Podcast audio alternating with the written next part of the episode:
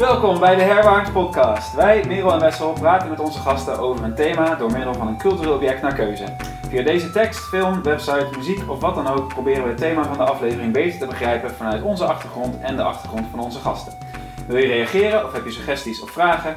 Contact kan via podcast.herwaarts.nl. Het thema van deze Herwaarts Podcast is de gezonde geest. Geestelijke gezondheid is een veelbesproken onderwerp op het moment. Rijkend van de zorgen over de gevolgen van lockdown op de mentale welzijn, de toenemende zichtbaarheid van neurodivergentie en de overvraagde psychologische zorg. Anders dan bij lichamelijke gezondheid wordt mentale gezondheid vaak gezien als subjectief en is daarom de gemeenschappelijke norm van wat gezond is extra dwingend, maar ook grotendeels impliciet. De grootste autoriteit op het gebied van geestelijke gezondheid is de Diagnostic and Statistical Manual of Mental Disorders, vaak DSM genoemd, gemaakt door de American Psychological Association, die ook in Nederland in de geestelijke gezondheidszorg wordt gebruikt.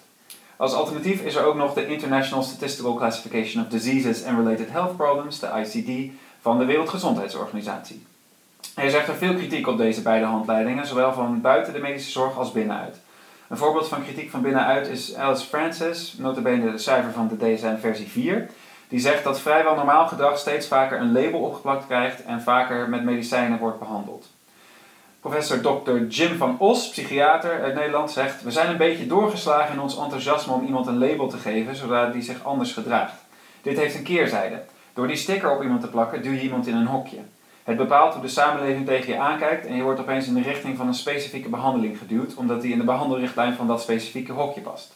En hij zegt ook: je kunt zo'n diagnose niet objectief vaststellen in het lijf van iemand. Het is niet zoals een gebroken arm die je op een röntgenfoto kunt zien. Naast de kritiek op specifieke autoriteiten is er ook een brede kritiek over het bestempelen van gezonde geesten en ongezonde geesten. Bijvoorbeeld invloedrijk verwoord door Michel Foucault in boeken als Folie en déraison, Histoire de la folie à l'âge classique. Foucault stelt dat waar voor de, voor de renaissance waanzin werd gezien als een apart soort inzicht in de werkelijkheid, vaak ingegeven door goddelijke of bovennatuurlijke krachten, na de renaissance waanzin steeds meer werd gezien als een ziekte, iets om mensen voor te behoeden. Hierdoor werden geesteszieken apart gehouden, onderdrukt en behandeld. Deze kritiek bestaat nog steeds. Geestesziekte kan leiden tot gedwongen behandelingen, opname en stereotypering, terwijl de mensen die als geestesziek worden bestempeld niet serieus worden genomen in hun kritiek op de behandelingen. Waar we in aflevering 6 over het gezonde lichaam bespraken hoe cultuur en samenleving gezondheid van het lijf vormen en de grens tussen ziek, gezond en wenselijk bepalen, willen we in deze aflevering onderzoeken hoe dit gebeurt met de gezonde geest. De centrale vraag is: wie bepaalt wie geestelijk gezond is? De gast is Helene, die tijdens haar studie Health Humanities onder andere onderzoek deed naar normality en abnormality. En nu werkt ze in het gezondheidsveld. Welkom Helene. Dankjewel. En Merel is er ook. Ja. En Merel mag beginnen vandaag. Yes. Ehm, ik heb uh, geheel typisch uh, voor mij, maar misschien divergent voor de rest, twee objecten. Uh, En ik wilde eigenlijk beginnen met de uitspraak van de Cheshire Cat in Alice in Wonderland. We are all mad here. Uh, want ik heb uiteraard onze podcast teruggeluisterd over het gezonde lichaam.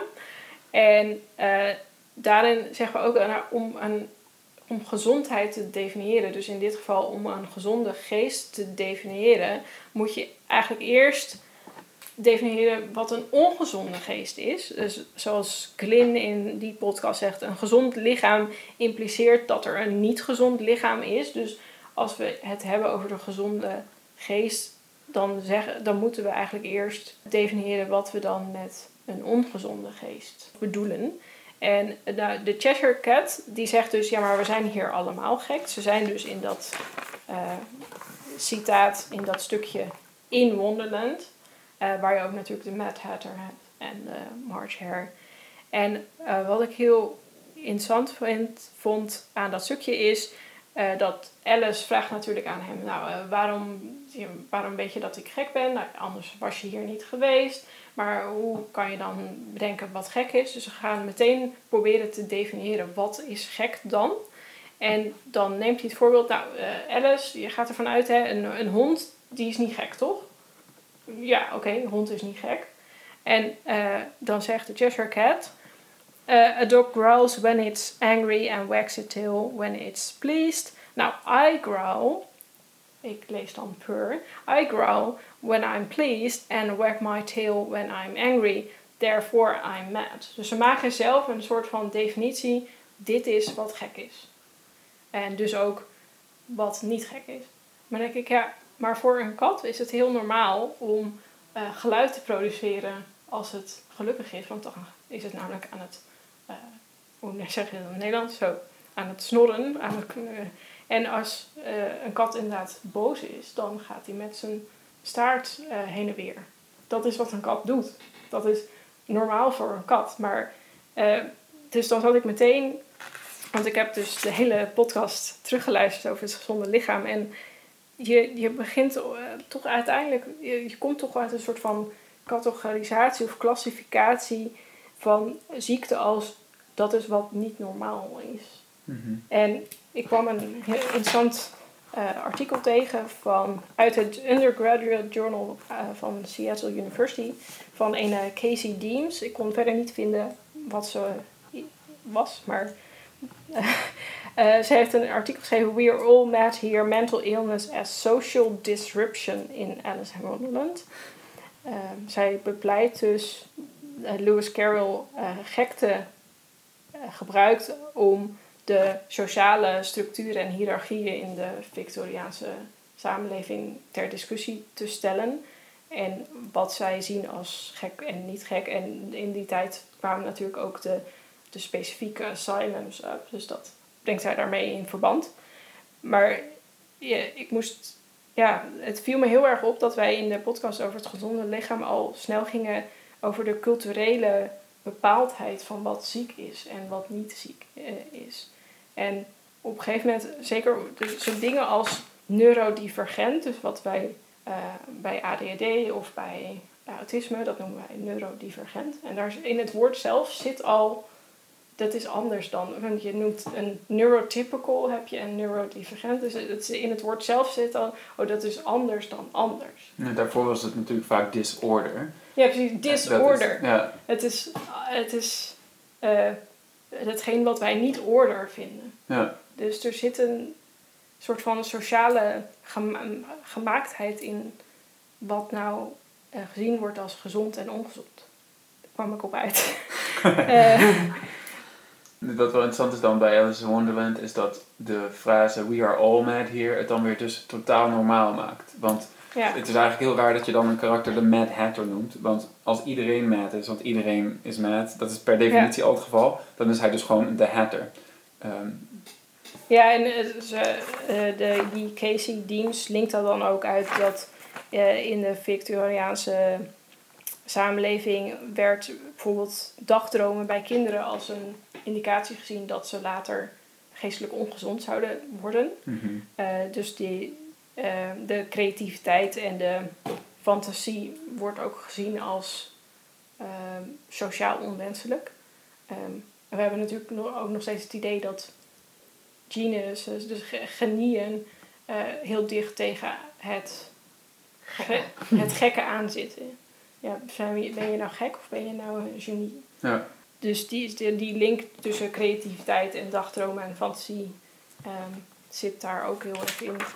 En, um, maar ik dacht, ja, er, is zo'n variëteit aan hoe hersenen in elkaar zitten, hoe geesten in elkaar zitten, dat kan je wel, ja, wat de normaal is, kan dan niet anders zijn dan iets wat wij als samenleving hebben bepaald van dit vinden wij normaal. Uh, en als je daar dan want ziekte wordt ook vaak omschreven als, uh, of in ieder geval psychisch ziek zijn wordt omschreven als je kan, uh, als het levensbelemmerend is. Dus als je je leven niet kan uitvoeren op de manier dat je zou willen, dan uh, heb je psychisch, is er psychisch iets aan de hand. Ja, zo staat het maar, vaak in de DSM inderdaad. Ja, maar wat levensbelemmerend is, nou je ziet dat veel met ADHD of autisme, dat is op een bepaalde manier levensbelemmerend voor hun, omdat het niet past in uh, het sociale construct wat wij gemaakt hebben. Want onze samenleving is niet ingericht voor uh, een ADHD'er. Dat zie je heel goed in het klaslokaal. Er is geen ruimte om druk te doen om maar even het, het typische beeld, stereotype beeld van een ADHD'er te uh, gebruiken. Dat kan niet in een klaslokaal. Ja, maar, maar dat kan niet, om, niet omdat het ongezond is, maar omdat, het, dus omdat we bepaald hebben, sociaal bepaald hebben, dat het looslokaal er op een bepaalde manier uit moet zien. Ja, waardoor je uh, bij in ieder geval heel veel neurodivergentie zou kunnen zeggen, als je ze in een andere samenleving zou plaatsen, zouden ze niet als atypisch, uh, of in ieder geval niet uh, ervaren dat, ze, dat hun leven belemmerd wordt door hoe zij denken. Ja, um, dus ze zijn alleen neurodivergent omdat we een, een, een neurotypisch hebben bepaald. Uh, en ik vraag me af of dat dus dan wel een zinvolle, in ieder geval voor deze ja, er is een variëteit aan, aan geestelijke inrichtingen, zeg maar, die niet meer niet gevat kan worden in wat wij als samenleving als normaal hebben beschouwd mm. voor heel lang. Ja, het is wel ja. grappig, want wat je net zei, wat je, wat je ziet, is dat we toch als, als samenleving geneigd zijn om te bepalen wat is dan gek. Ook in, bij dan wat je net vertelde over Alice in Wonderland, dat ze dan beschrijven van voor een kat is het normaal om zo te doen, maar als uh, ik me zou gedragen als een kat, dus als ik zou gaan spinnen, als ik, het, als ik lekker met iemand op de bank aan het kroelen ben, dan zou er al een beetje iets ontstaan van: hé, hey, dit label ja. hebben we bij een kat geplakt en niet bij een mens of bij menselijk gedrag. En dat is wel interessant dat we daarin heel erg, duid, of heel erg hebben geduid met elkaar, of met elkaar, dat is een groepje toch wel uh, witte mannen geweest. Die met elkaar om tafel is gaan zitten en de DSM in eerste instantie ooit uh, ja. heeft ontwikkeld. En die ontwikkelt zich natuurlijk wel verder en wordt ook weer. Um, nou, die, die verandert ook wel weer een beetje. Mm Als je DSM 1 en 5 bekijkt, dat is wel weer. Volgens mij was in de DSM 3 nog in, was bijvoorbeeld homoseksualiteit ook nog steeds een, uh, ja. geestesziekte. Dus dat is, het is heel interessant hoe wij eigenlijk als mensen geneigd zijn om die labels uh, inderdaad te creëren om het leven te, een soort vat te krijgen, denk ik, op, op, op de diversiteit. Want dat is uiteindelijk wat het is. We hebben een enorm complex, divers uh, palet aan mensen, aan, aan dingen die er gebeuren in ons leven, waar we eigenlijk vat op proberen te krijgen. En daarvan zeggen we, daarvan wordt gezegd, denk ik, en dit is dan de normale manier om met dingen om te gaan. En dit is, ja, als je toch, uh, nou ja, je zo gedraagt of zo met, met iets omgaat, dan ja, vinden we dat abnormaal of misschien wel zelfs ziek. En daarin denk ik dat je ook, wat je dat zei, van dat het sociale construct dat zit rondom hè, wanneer ben je nou gek of wanneer is er psychisch iets met je aan de hand, dat is. Dat ligt er, ja, dat, dat, hebben we, dat is er gewoon, omdat het in ons mens zijn zit om daar een label aan te geven, zonder dat we kunnen zeggen van dit is echt het, dit is het, hier, dit, nu ben je dit is echt ziek. Ja, ja. ja als in de, de, de intuïtie is er heel sterk. Dat je kunt voelen, dit is anders of dit is raar. Uh, en hoe vast je dat probeert te spijkeren. En uh, echt in definities en statistiek. Dat is ook grappig dat je het had over uh, diversiteit en hoeveelheid. En wat normaal is, dus wordt bepaald door hoeveel ervan is. Want zowel de DSM als de ICD hebben dus een, een mathematische component van hoeveelheid. Um, maar zodra je dat probeert dicht te timmeren, kom je dus eigenlijk steeds, je, je, je kan de grens steeds verschuiven naar ja, oké, maar goed, als duizend mensen zo zouden doen en één iemand, nou dat is wel apart. Dus dat mm. kunnen we dan inkaderen, want dat is heel duidelijk één voorbeeld. Maar als honderd van de duizend mensen het doen, dat is ook dan niet normaal. Als we dat helemaal gaan vasttimmeren, krijg je een steeds grotere groep die daar dus steeds net niet de meerderheid is. Ja. ja. Ehm, en dat, dat zie je nu met uh, de hoeveelheid, ik gebruik aanhalingstekens, de hoeveelheid mensen die nu een labeltje krijgen, ja. is dat dan hebben wij meer divergentie in de samenleving? Nee, dat was er altijd al, maar we hebben nu, dat, is op zich ook wel fijn. We hebben nu de mogelijkheid om aan, of te accepteren, hoe zeggen dat, toe te kennen, oké, er is divergentie, ehm, maar we hebben nog steeds het idee van de normaal, de neurotypical. Terwijl als je, denk ik, daadwerkelijk echt gaat tellen en als bij de neurotypicals, of degene die nu als neurotypical beschouwd worden omdat ze geen labeltje hebben, denk dat daar ook nog zoveel diversiteit in zit dat je dat uiteindelijk je niet meer normaal kon stellen. Nou ja, ik vraag me ook altijd af, als je zeg maar, alle verschillende neurodivergente mensen bij elkaar optelt, um, zeker zolang we door blijven gaan met nieuwe uh, neurodivergenties vaststellen, wordt dat op een gegeven moment een grotere groep dan mensen die neurotypisch zijn. Uh, en dan zijn er nog steeds meer neurotypische mensen dan bijvoorbeeld mensen met autisme. Maar Ja. er zijn meer mensen met autisme en ADD en ADD en alle eh, variaties Mhm. die we ook kunnen noemen, dan dat er mensen zijn die geen enkele eh, eh, neurodivergentie in zich hebben, zeg maar. Ja. En dan wordt het hele idee van gezondheid totaal niet meer gekoppeld aan divergentie, maar wel aan belemmering in het, in het dagelijks leven wellicht. Hm. Ehm, dat je kan zeggen, ik heb er veel last van, dus is het een divergentie die we kunnen, zouden kunnen zeggen als ehm, of ziek, of in ieder geval. Ehm, ja, daarom zijn al die, die termen natuurlijk ook zo onderhevig aan die cirkel van het was eerst een ziekte en dan Ja. een disorder en nu een divergentie. En dat is heel logisch, omdat heel veel van die termen ook veel te sterk werden uitgedrukt als in dit is normaal, dat Ja. is gezond, dit is ziek, dat is abnormaal. Ehm, en daarom is het idee van wat dan gezond is, blijft veel minder sterk overeind, omdat je niet een heel duidelijke antithese hebt als in ziek. Nou, en het lastige denk ik ook, dat je niet meer kan zeggen wat is normaal, is dat we ook, denk ik, nou ja, de, de neiging vaak ook in dit soort discussies om, is om bijvoorbeeld over ADHD of autisme te praten. En dan ook het, hè, het label ADHD wordt, schijnt steeds meer en meer, eh, nou ja, eh, opgelegd te worden. Het is maar net hoe je het ervaart natuurlijk. Ja, Ehm, maar daarin is de, is de DSM of het gebruik van ook best subjectief. Want Hmm. we, we leggen gewoon iemands ervaring van het leven naast een bepaalde criteria lijn. En dan zeggen, zegt de psycholoog of de psychiater van, nou ja, de, of de toets die je maakt, van ja, daar zit Ja, je in dat ADHD-stuk. Maar iemand, stel dat ik, ik heb geen ADHD, tenminste voor zover ik weet niet. Maar ik heb een hele erva- zou een hele andere ervaring he- kunnen hebben van wat ADHD voor mij betekent. Als iemand die bijvoorbeeld echt veel meer het hyperactieve stuk van ADHD ervaart. Of, Hm. Dus er zit ook zo'n, ehm, omdat we denk ik toch ook in dat subjectieve heel veel ruimte hebben voor wie we,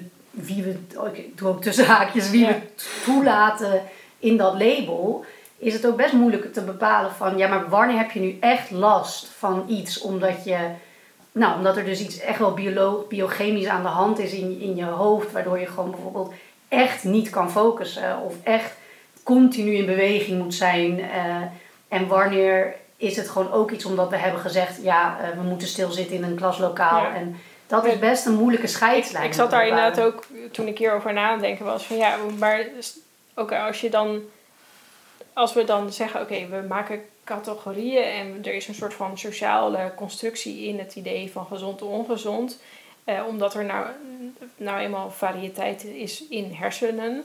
Ehm, wanneer, zeg maar, want er zijn, die, voor je gevoel zijn er duidelijk gevallen van, oké, maar deze persoon is psychisch echt niet in orde.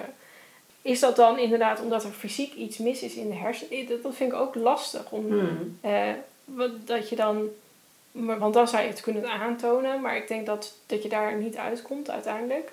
Nou, ten Ja. meer ook omdat daaronder vaak ook weer zit eh, dat het best wel moeilijk aan te geven is. Ik, dit is beperkte psychologische kennis van mij, maar Hm. dat het moeilijk aan te tonen is om of gedrag eh, de breinstructuur verandert of de breinstructuur het gedrag. En Ja. waar dat begonnen is, want het is vaak natuurlijk een spiraal en hoe dat, ja. Ja. waar begin je dan? Of zo. Nou ja, of bijvoorbeeld, eh, dit zeg ik ook ges- gechargeerd en ook zonder, eh, dat is een goede disclaimer denk ik om aan te geven, zonder echt de, de klinisch-psychologische kennis. Maar ehm, hè, als ik Ritalin gebruik en ik merk dat het werkt, heb ik dan ADHD? Ja, En, en, het, en ehm, ja, dat is, dat is best een interessant vraagstuk ook ergens. Ehm, misschien is ADHD dan ook nog weer ingewikkelder dan bijvoorbeeld een, eh, nou ja, depressie. Zo, want nou, het boek wat ik dan heb meegenomen, dat gaat ook over eh, de pil dan, medicijn. Eigenlijk gaat het meer over de gehele ervaring van een depressie. Ja. Ehm, en, en uiteindelijk ook eh, ja, de- ervaring van hoe medicijnen zouden kunnen werken. Ehm, ik heb het, het boek heet Pil van Mike Baudet. En ik heb datzelfde boek gelezen vanuit een zoektocht naar, nou, voor mezelf ook. Hè. Ben ik nou ziek? Heb ik iets biologisch? Is er iets met me aan de hand? En daar heb ik verschillende boeken voor gelezen, en onder andere ook dit boek. En in een depressie is het ook heel moeilijk om te ontleden van waar zit het nou dat ik gewoon, dat er bij mij bio- biologisch in mijn hoofd gewoon iets, een soort disbalans is. Die als ik nu de, de, de, de medicijnen neem die ik heb, dat het mee is opgelost en ik ben dus, ik kan levensdraaglijk en ik kan er weer doorheen. Of Ja. zit er eigenlijk ook een heel stuk achter van een soort trauma wat misschien nog opgelost moet Ja. worden. Of iets wat veel meer in een soort innerlijke belevingswereld zit. Of een bepaalde mate van somberheid die ook in deze maatschappij geen ruimte heeft. Ja. Ja, ik moet ook, want ik vind, wat ik altijd mooi vind aan, mooi aan het woord trauma is dat het van het woord wond komt. Dus als je een trauma hebt, kan je het bijna vergelijken met een soort. Je hebt eh, een, blessure op, ja, dat klinkt, een blessure opgelopen. Dus je hebt een wond opgelopen, wat wellicht anders wordt, sociaal wordt gezien als een, een, een disease. Ja. Ehm, ja, een wond is anders dan een ziekte. ja, een wond Ja. kan een litteken worden. Ja. Ehm, waar we het ook in de gezonde lichaam eh, podcast over hebben gehad. Over littekens als teken van heling. Nou, Ja, weet je wat grappig is? Terwijl je dit zegt, zit ik te denken. Ehm, ik ben in mijn zoektocht naar wat ik heb. mm, ben ik nu ziek of niet, die vraag dan misschien. Ben ik ook heel erg op, op zoek geweest naar een rechtvaardiging van wat ik voelde. ja. Naar een soort van, nee maar kijk, het zit in die ervaring. Of het zit in dat verlies. Of het zit in, en, en dit is mijn litteken. Kijk, en, en door Ja, dit litteken is het logisch dat ik voel wat ik voel. En dat is... ehm, Je wilde de wond aantonen zodat je kon aantonen dat er iets mis was. Ja. Nou ja, dat is Ja. nou bijna niet eens dat ik kon aantonen dat er iets mis was, maar dat ik ook aan de buitenwereld en misschien uiteindelijk vo- vooral voor mezelf kon laten begrip kon Ja, opwekken precies. van Hier is de wond. logisch, Ja. logisch dat ik, dat ik eh, depressief ben of heel Ja. somber, want inderdaad, hier is de wond. En het, voor mij het pijnlijke, denk ik, of, en uiteindelijk het verlossende was ook ergens dat ik op een gegeven moment de, de, de littekens, de wonden, echt allemaal wel had gespot. En er hele mooie gesprekken met zowel, eh, nou, echt met een professional, maar ook met mijn familie en vrienden over heb gehad. En toch realiseerde van, maar er zit nog iets. En, en dat was Ja. denk ik nu dan weer een paar jaar terugkijkend, of later en dan terugkijkend, was er nog steeds ook, waren er nog bepaalde wonden aan het helen. Maar het was ook wel, ja, toen op een gegeven moment heb ik besloten om dan toch ook medicijnen te gaan gebruiken. Hm. Om net dat stapje even, wat, ja, ik dacht misschien helpt het. Misschien is het toch ook iets biochemisch wat mij, ehm, ja, wat mij kan helpen. En, tegelijk, en de, in dit boek, en het is ook wel heel fijn, want het boek legt ook veel.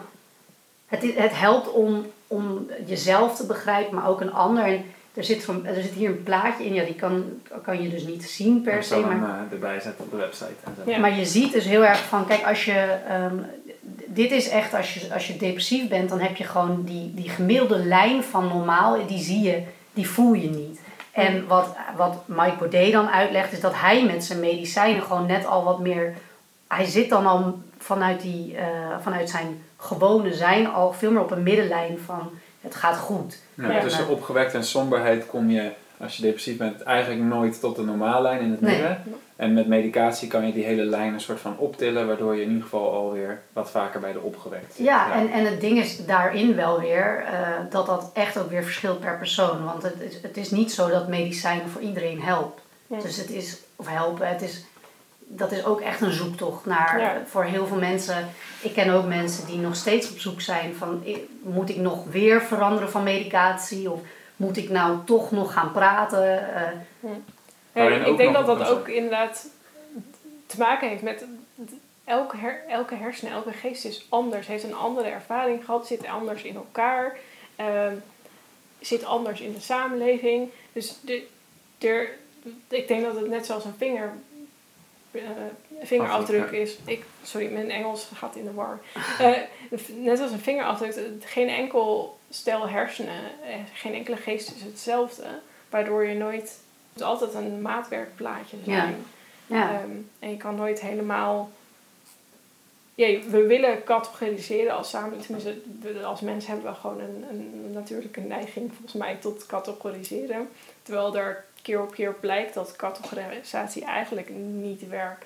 Nou ja, je kunt dat denk ik eh, op verschillende manieren doen. Je kunt een categorie maken snel, even, of dat helpt in onderscheid maken. Maar Ja. hoe vaker je dan gaat kijken naar de grenzen daartussen, hoe vaak blijkt dat dat niet zo absoluut te doen is. Het is Ja. wel interessant daarom dus, want je zei, we hadden het net over, als je Ritalin gebruikt en het helpt, heb je dan ADHD. Ja, Het is ook andersom natuurlijk heel erg dat heel vaak die eh, van oké, ik ben depressief, maar de medicijnen werken niet. Oh, misschien heb je dan niet echt depressie. Dat is misschien wel een van de Mhm. ergste disqualificaties die je kunt precies. krijgen, omdat dan zelfs de objectieve maatstaf geen impact lijkt te hebben of zo. Ehm, en Ja, is of ben je zelfs zo ziek dat zelfs dat niet meer. Ja, ik weet, de- je- volgens mij kun je zelfs daar nog weer heel veel interpretaties aan ja, geven. ja, eh, als mens. Ja, en, en, en ja. Nou ja, en wat ik denk ik ook wel interessant vind aan, uh, aan het hele medicijnen. wanneer, wanneer kies je dan dat ook iemand medicijnen moet gaan gebruiken? Want ik voelde wel echt, er is iets er is een somberheid die ondraaglijk is. Ja, wist ik niet zeker of iedereen die had, maar hm. er werd in ieder geval in de tijd dat dat ontstond bij mij niet zo open over gesproken dat ik dacht, nou mijn buurman uh, die is ook vaak verdrietig. Ja. ik zat toch wel in een wereld waar ja, veel jonge mensen hadden allemaal dromen en ik merkte gewoon, nou ik, ik, vind het, ik ben blij als ik de dag een beetje vrolijk ben doorgekomen, zeg maar. En, en toen het wat slechter werd, toen ben ik uiteindelijk, uh, nou, ik zat al een tijdje met een psycholoog, maar die nam het ook allemaal niet zo serieus. Totdat mijn moeder een keer meekwam en zei: Nou, er is wat, het gaat echt niet goed met Helene. En toen kreeg ik medicijnen. En dat was dan de oplossing. Want dan, en toen, dan, hmm. oh ja, maar nu ben je echt depressief, want er zit, nou, ik weet niet wat er ontstond, maar. Terwijl ik da, daar. eindelijk in het hokje geplaatst. Van... Ja, en dat voelde zo onbevredigend dat ik dacht: ja, ja nee, maar wacht even ik heb wonden. ik, heb, ik heb allemaal redenen misschien wel die we nog moeten ontkluwen en dingen die we moeten bekijken en, en analyseren voordat we kunnen zeggen dat ik ziek ben omdat het in mijn hoofd zit en dus medicijnen. Zo voelde dat heel erg. Ik denk misschien dat, ik denk dat mensen die, nou ja, uh, sommige klinische psychologen ook een andere kijk hebben op wat, wat medicijnen zouden kunnen betekenen. Maar toen de tijd voelde dat wel heel erg zo. Ja. Ja, grappig dat dan dus ook gezamenlijk bepaald werd, maar niet vanuit jou in eerste instantie bepaald werd. Nee, nou en ook niet vanuit mijn moeder hoor. Dus het, was, het was meer, mijn moeder kwam mee omdat we allebei zagen van het gaat niet goed. Ja. En we wilden de ernst aankaarten. En toen was er een soort switch van nou dan moeten we het oplossen. En de oplossing is medicijnen. Terwijl ik dacht, hè? Ja, ja dus je werd eigenlijk ook voor jezelf, in jezelf werd je niet geloofd. Pas als iemand, toen iemand anders zei van dit is niet normaal, uh, werd er, oh oké, nu moeten we handelen. Nou, dus, maar, en daar zit ook een hele ingewikkelde dynamiek. Want uh, je wil inderdaad erkenning. Je wil dat, dat, nou, het feit dat mijn moeder meeging, dat maakte echt van uh, er is iets abnormaals of iets ergs aan de hand. Of in ieder geval, ze heeft hulp nodig. Misschien was het niet eens per se van ze is ziek of zo, dat label wat, dat, die vraag was er niet. Maar wel van ze heeft nu echt echte hulp nodig. Ja. ja. En um, en dat toen dan, toen dan dat als oplossing werd aangedragen, dat ik ook heel snel weer dacht van nee, nee, nee, nee, maar dit, dit is. Dus je in dat hele proces van je niet goed voelen en hulp nodig hebben, hm.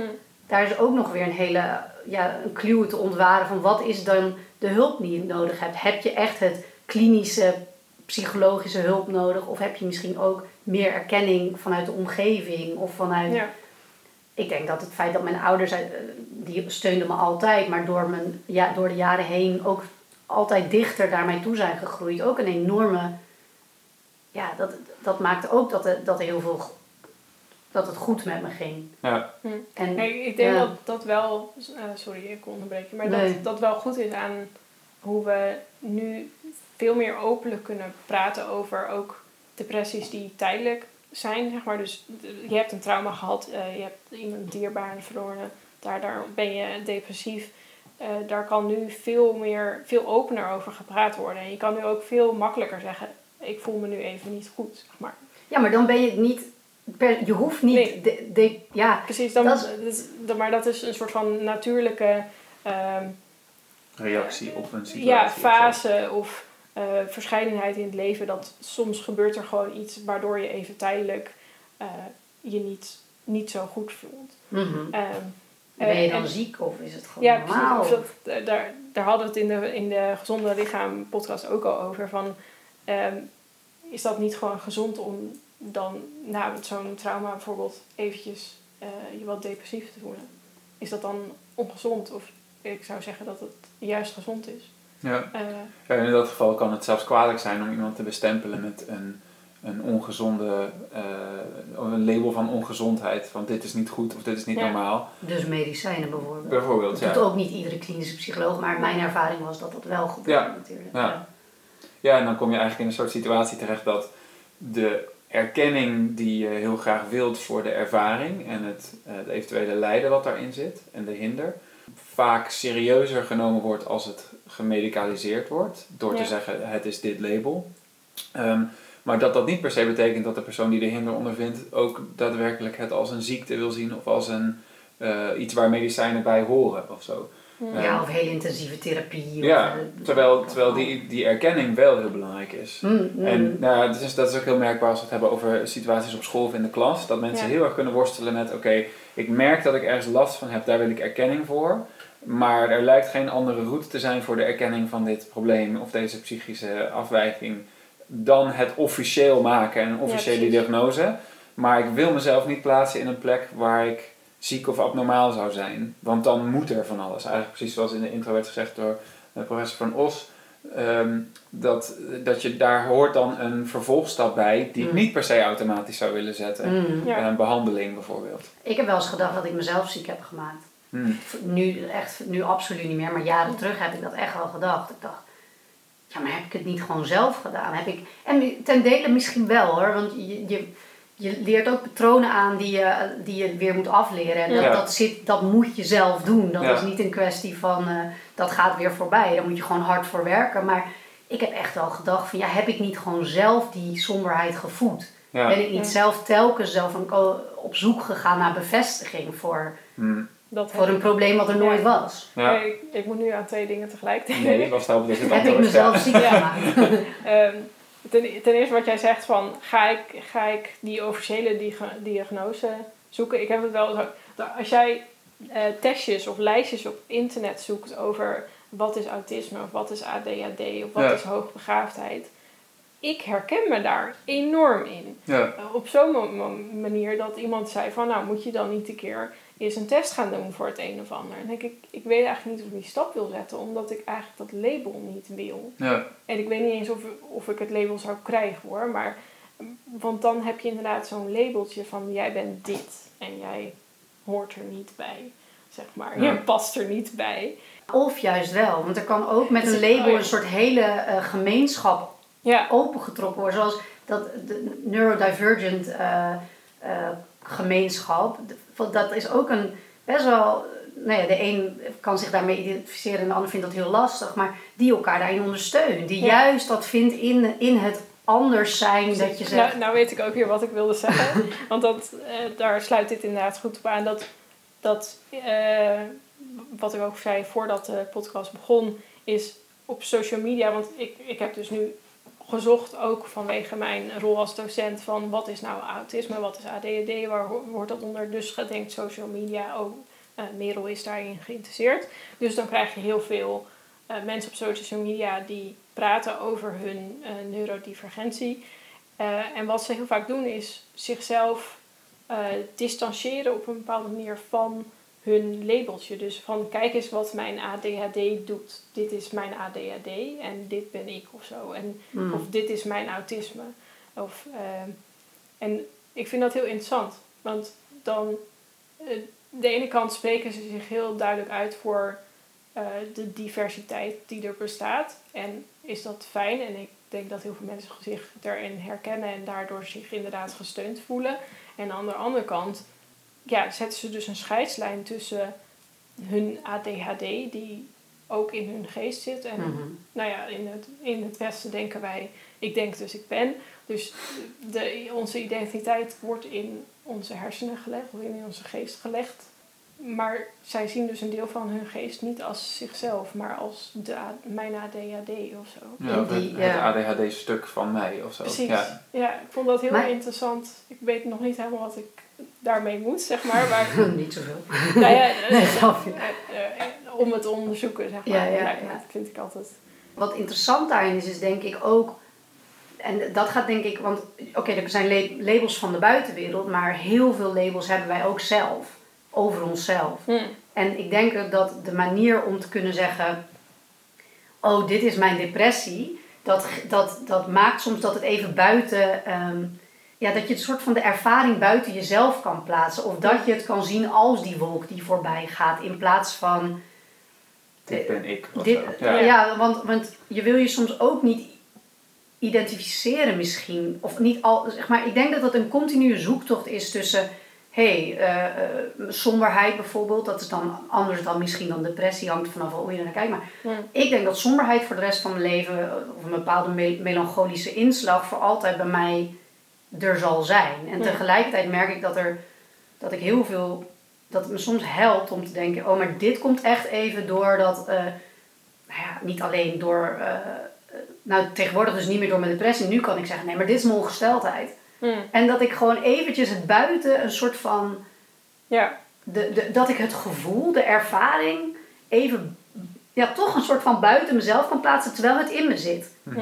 In, als in, dus, en dat is er ook, volgens mij zit dat ook ergens in de verhouding tussen de ervaring, het geestelijke en ook het, het biochemische wat blijkbaar in ons gebeurt. Hm.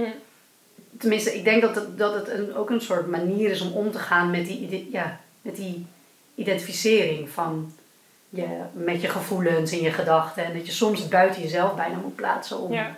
Nou ja, dat doen ze natuurlijk ook met eh, mindfulness. Dat ze zeggen van, jij bent niet je gedachten.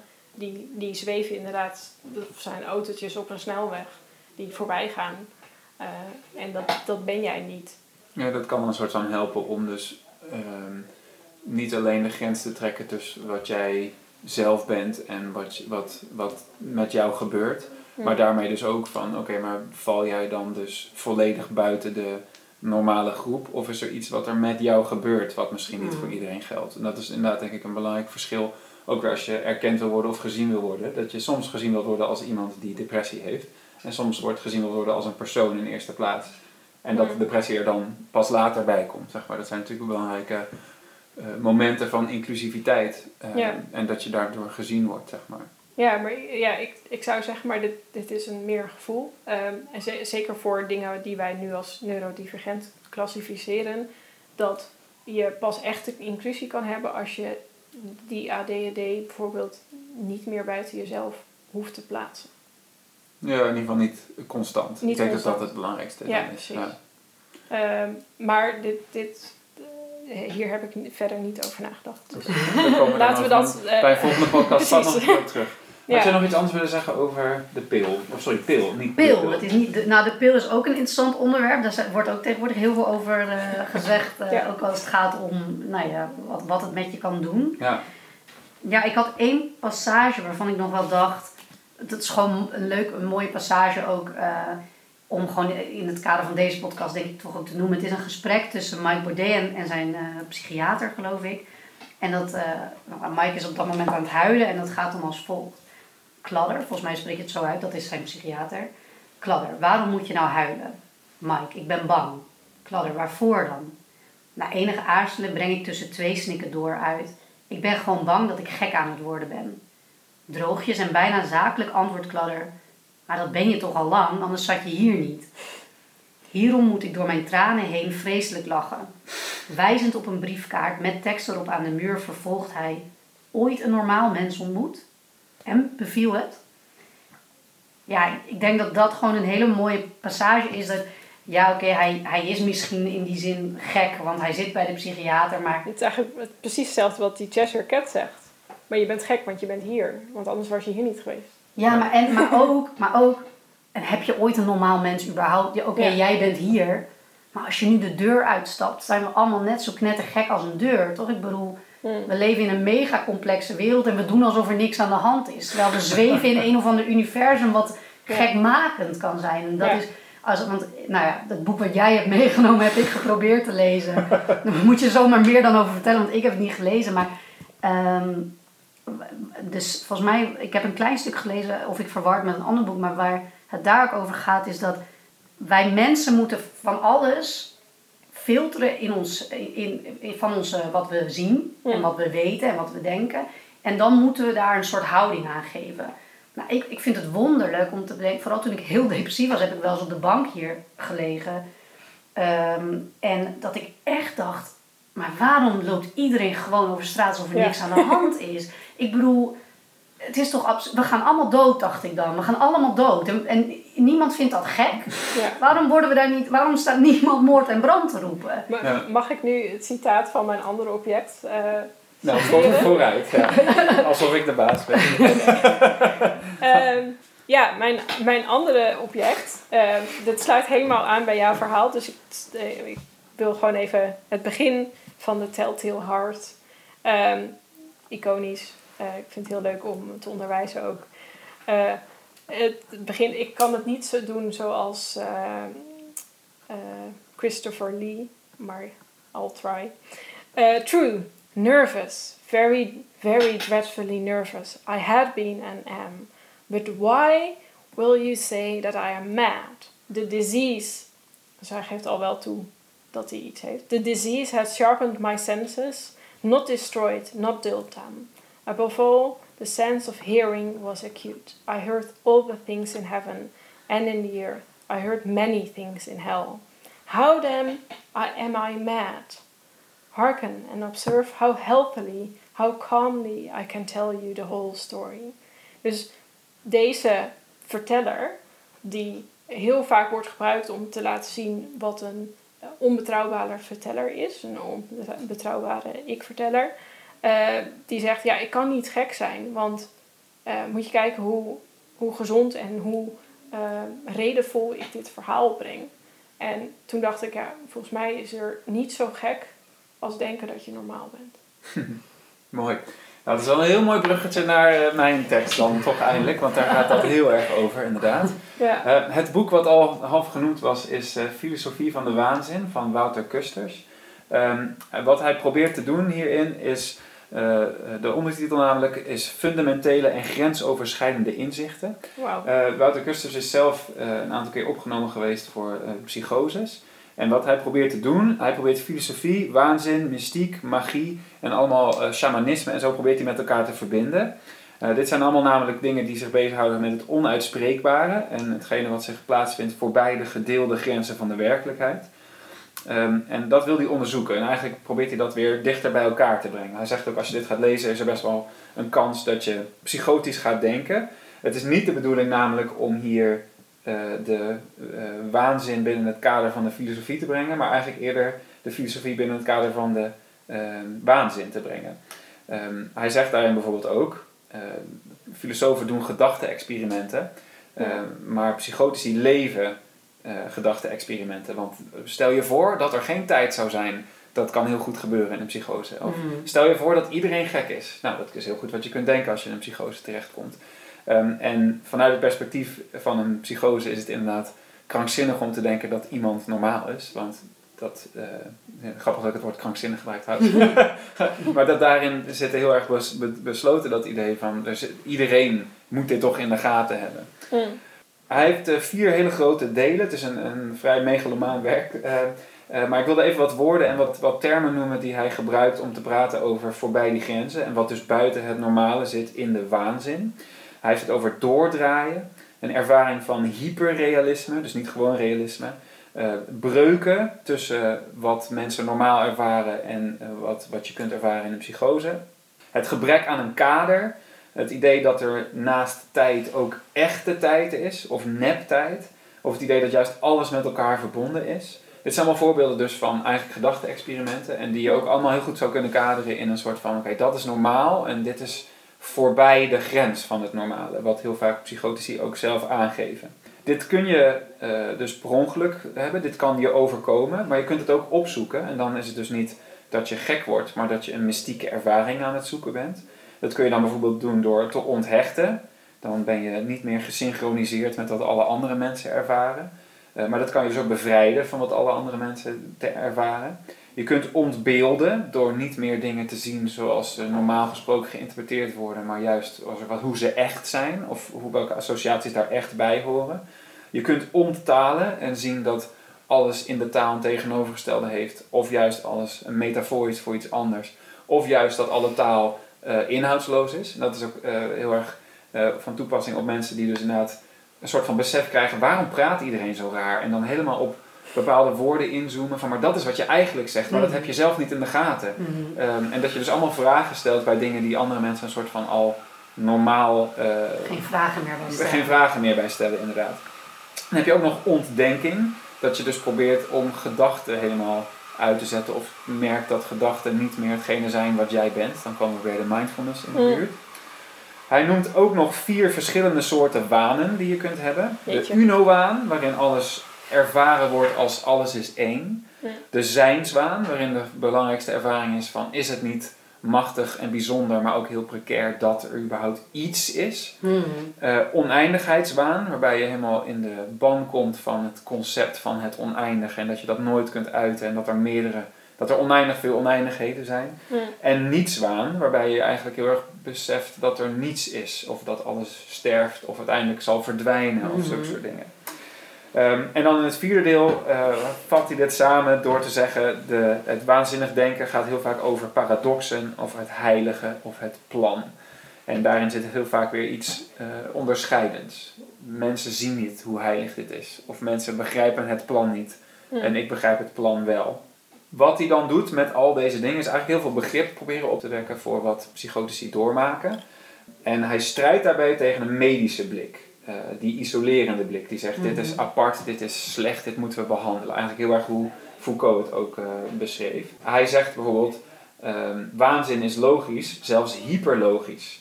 Het is een zelfbedrog vanuit de rationaliteit. Hier citeert hij iemand die eh, spreekt over een waanzinnige.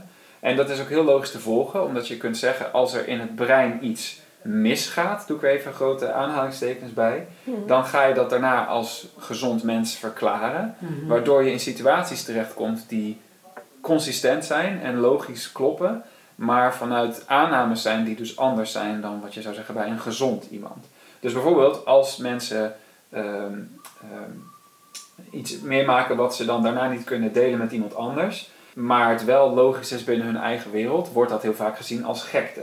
Dus er kan bijvoorbeeld een ondeelbare eh, ervaring zijn, die mensen dan een soort van objectief gaan bekijken. Ehm, hier heb ik twee citaten van een eh, psychiater die eh Wouter Kusters aanhaalt. Kapoor heet hij, die dingen bijvoorbeeld een afwijkende saliantie noemt. Of aberrant salience in het Engels. Ja. Eh, maar het kan ook bijvoorbeeld een categoriefout zijn. Dus dat je een gedachte hebt, maar dat in je hoofd kadert als een waarneming. Waardoor je dus denkt, oh, dat was er echt. Terwijl mensen om je heen zeggen, wij zagen niks. Mhm. Ehm, nou, dat is dan dus de medische blik, waar Wouter Kusters tegen strijdt. Ik wil toch even een, een eh, citaat dan van Kapoor voorlezen, om eh, te kijken hoe die medische blik dus een, eh, laat zien wanneer het dan normaal is of juist niet.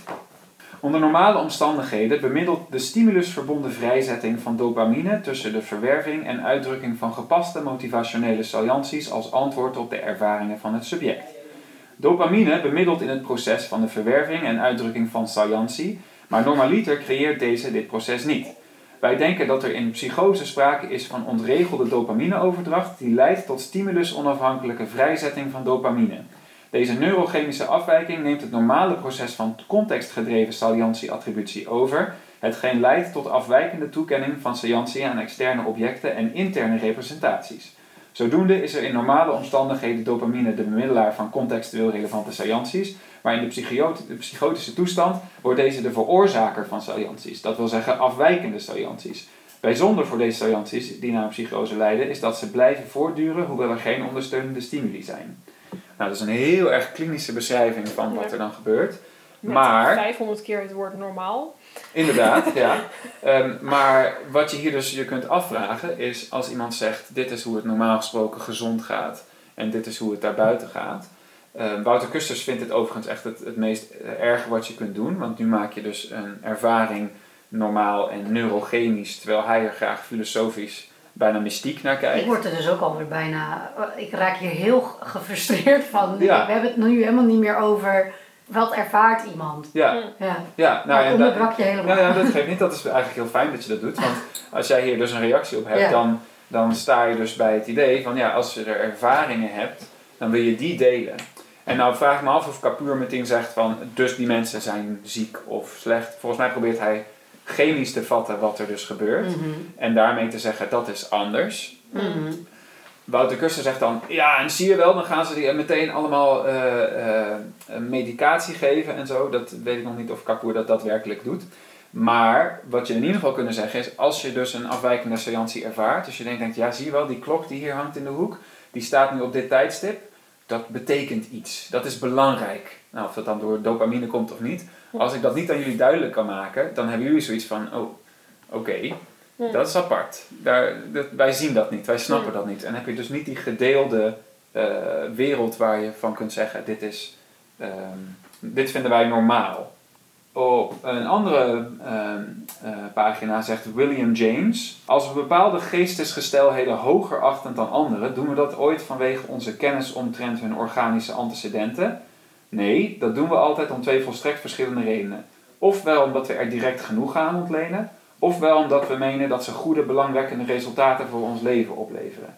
Als we misprijzend over koortsfantasieën spreken, is het koortsproces als zodanig niet de reden voor onze minachting. Misschien is het 40 of 40,5 graden Celsius wel veel gunstiger om, uh, voor het ontkiemen van en ontspruiten van waarheden dan de meer gebruikelijke bloedtemperatuur van 37 of 37,5 graden. De reden is ofwel de onaangenaamheid van de fantasieën zelf, ofwel hun onvermogen om het vuur van de kritiek te doorstaan in het uur van de genezing. Als we de gedachten die de gezondheid voortbrengt prijzen, zijn de eigenaardige chemische metabolismen van de gezondheid niet van invloed op het oordeel dat we vormen. Als ik dat even parafraseer. Het maakt niet uit als iemand een koortsfantasie heeft of dat was op een bepaalde uh, graden, of uh, als we dat weer naar het brein koppelen, welke stofjes er dan in rondgingen.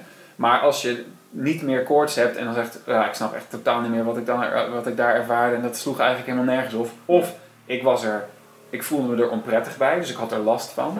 Dan zeggen we, het was een koortsfantasie. Terwijl als we dan achteraf zeggen en zo, oh dat was eigenlijk een, een briljante wiskundige, wiskundige uh, perspectief op iets wat we nog niet hadden bedacht. Dan noemen we het geen koortsfantasie. En dan mm. vinden we het namelijk weer waardevol binnen dus dat, dat het kader wat we hebben. Precies, het sociale construct van is het ben je een genie of ben je gek? Ja. ja. Als je achteraf kunt zeggen, of zelf, of dat iemand anders kan zeggen, eigenlijk zat er wel wat in. Ja. Um, Dat leidt namelijk dus ook, zoals Wouter Kussen zegt, tot goede waanzin en slechte waanzin, zoals mensen dat zien. Dus er zijn heel veel vormen van waanzin, uh, of niet normale staten van zijn, die we best heel erg uh, prima vinden. Je kunt uh, via drugs een, een, trip hebben, je kunt dingen je voorstellen, je kunt dromen, je kunt hallucineren. Dat is allemaal goed als het achteraf weer ingekaderd kan worden binnen een gemeenschappelijke ervaring. Maar als de ervaring zelf ondeelbaar is en mensen toch zeggen van dit is waar, dan verstoort het die gedeelde versie van de waarheid en is iemand dus gek of ziek. Hm. Ehm, daarmee probeert hij dus aan te geven dat er helemaal niet zo'n sterke grens zit tussen spiritualiteit en psychose. Behalve als je dus het verhaal van uh, psychotici soort van uh, niet serieus neemt of uh, afkeurt. Um, buiten de, de kaders plaatst. Ja, dus het is heel erg hoe je er naar kijkt. Ja, ja um, um, het, en, en ook heel erg hoe de, de persoon die er zelf uh, die ervaringen heeft, hoe die er naar kijkt. Als die, dat is ook heel grappig, er zitten heel veel teksten in van uh, Wouter Kuster zelf uit zijn psychotische tijd, of waarmee hij zijn psychotische mm. probeert te simuleren. En er zit heel veel uh, soort van reflectie in op hoe andere mensen hem gaan zien als hij in zijn psychose is. en dat hij heel goed weet dat als ik deze taal gebruik, vinden ze me gek. En als ik deze taal gebruik, vinden ze me niet gek. Maar dat weet hij dus in zijn psychose ook heel goed. Hm. Ja, ik, ik moest denken aan ehm, die documentaire van Michael Pollan, waar die uh, over uh, onder andere LSD praat. En ja. het nut daarvan. En want een van de dingen die jij noemde was uh, Uno Waan. Ja, alles is alles één. Is één. Ja. Uh, dat is een van de dingen die bij LSD volgens mij ook ervaart. En ze zetten dat dus in voor bijvoorbeeld uh, mensen die ongeneeslijk kanker hebben. Dan geven ze medicatie met LSD. En dan ervaren ze dat alles één is.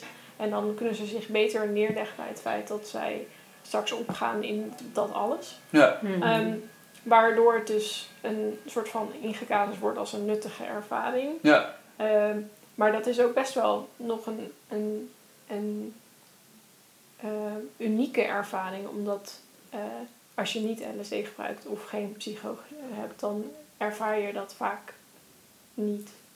Zeg nee, nee ik ben ja, heel erg generaliserend. Anders misschien, ja. ja. ja. Um, maar ja, mm, nou ja, het grappige is specifiek uh, dat LSD wordt heel veel genoemd ook in het boek, omdat er heel veel onderzoekers zijn die daar dus onderzoek naar hebben gedaan. Wat zijn de grenzen tussen LSD-gebruik of een LSD-ervaring en waanzin dan, specifiek psychoses.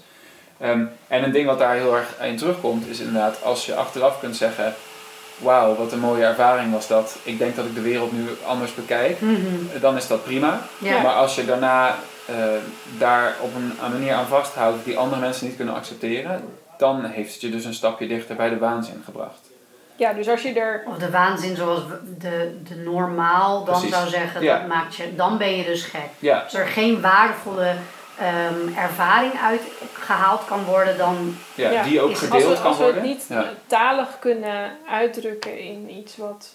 andere mensen kunnen begrijpen. Ja, ja. als er iets wat communiceerbaar is, dan is het dus niet.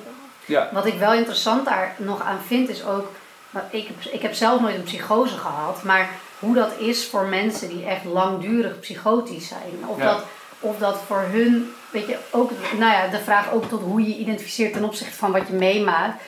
Hebben zij, ervaren zij ook dat het een waardevol iets moet zijn en dan was het eigenlijk niet iets abnormaal. Ja, misschien dan was het een ervaring en, Ja. en, en eigenlijk niet iets waardoor je gek bent of zo. Mhm. Ehm, hoe, ik, ik ben heel benieuwd hoe, die in, ja, hoe, die, hoe dat gaat, die identificatie met zo. Ja, of, Ja. Of, of daar ook per se een waardevolle ervaring in moet zijn om je, om je weer normaal te maken. Of Ja. dat het ook gewoon iets ja, kan, Kan zijn wat wat je er. had. en ja, wat er is. voorbij. Ja. Mm. ja, want Wouter Kusters pleit dus heel erg voor het idee dat mensen zichzelf ziek gaan zien door de medische klinische blik. Ja. Jij had een psychose, psychose, dus jij bent ziek, daar gaan we je van afhelpen. Ja. Terwijl heel veel mensen met psychoses de tijd dat ze psychotisch waren heel moeilijk vonden, of heel zwaar, soms heel pijnlijk, soms hun leven verwoest heeft, Mhm. maar ook heel waardevol en interessant. Ja. En soms willen mensen terug naar hun psychotische ervaringen, omdat het een veel fijnere staat was van zijn dan leven in, deze, in dit universum wat je gek maakt, omdat dan het ineens eh, zinnig lijkt of waardevol lijkt, bijvoorbeeld. Mhm. is in ieder geval wat Wouter Kusters heel vaak zegt. Nou vind ik hem wel erg militant tegen het klinische. Mhm. Eh, maar goed, dat is misschien ook logisch gezien zijn ervaringen dan. Maar ik zou in ieder geval zeggen dat die, eh, zijn pleidooi voor we kunnen veel beter luisteren naar wat mensen met een psychose meemaken. Mhm. En dat wil ik dan dus breder trekken naar alle mensen die niet ehm, ehm, geestelijk normaal zijn. Om gezamenlijk met hen te bepalen van oké, had je hier last van? Hoe vervelend was dit? Kunnen we je omgeving aanpassen zodat je er minder last van hebt? In plaats van te zeggen, jij bent ziek, dat staat in ons boekje. En daarom moet er nu dit gebeuren. Mhm. Namelijk medicijnen of een opgenomen behandeling of, of zoiets. Ehm, Ja. En dat is in ieder geval de, eh, de bredere conclusie die ik dan zou trekken. Ja.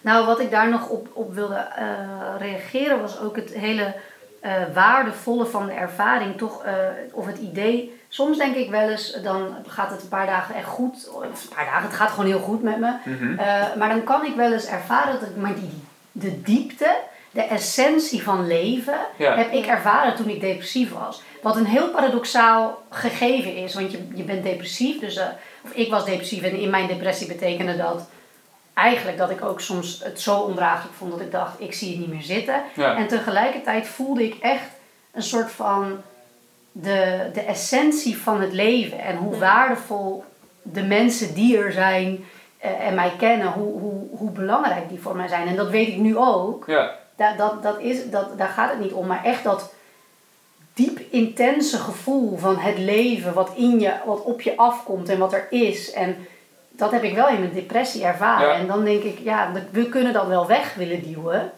omdat het ook naar is en vervelend. En het past ook niet in het dagelijks leven. Want je wil ook niet... Ja, ik kan niet eh, op mijn werk in één keer gaan zeggen... Goh, zullen we eens een diep gesprek voelen over de essentie van het leven. En tegelijkertijd...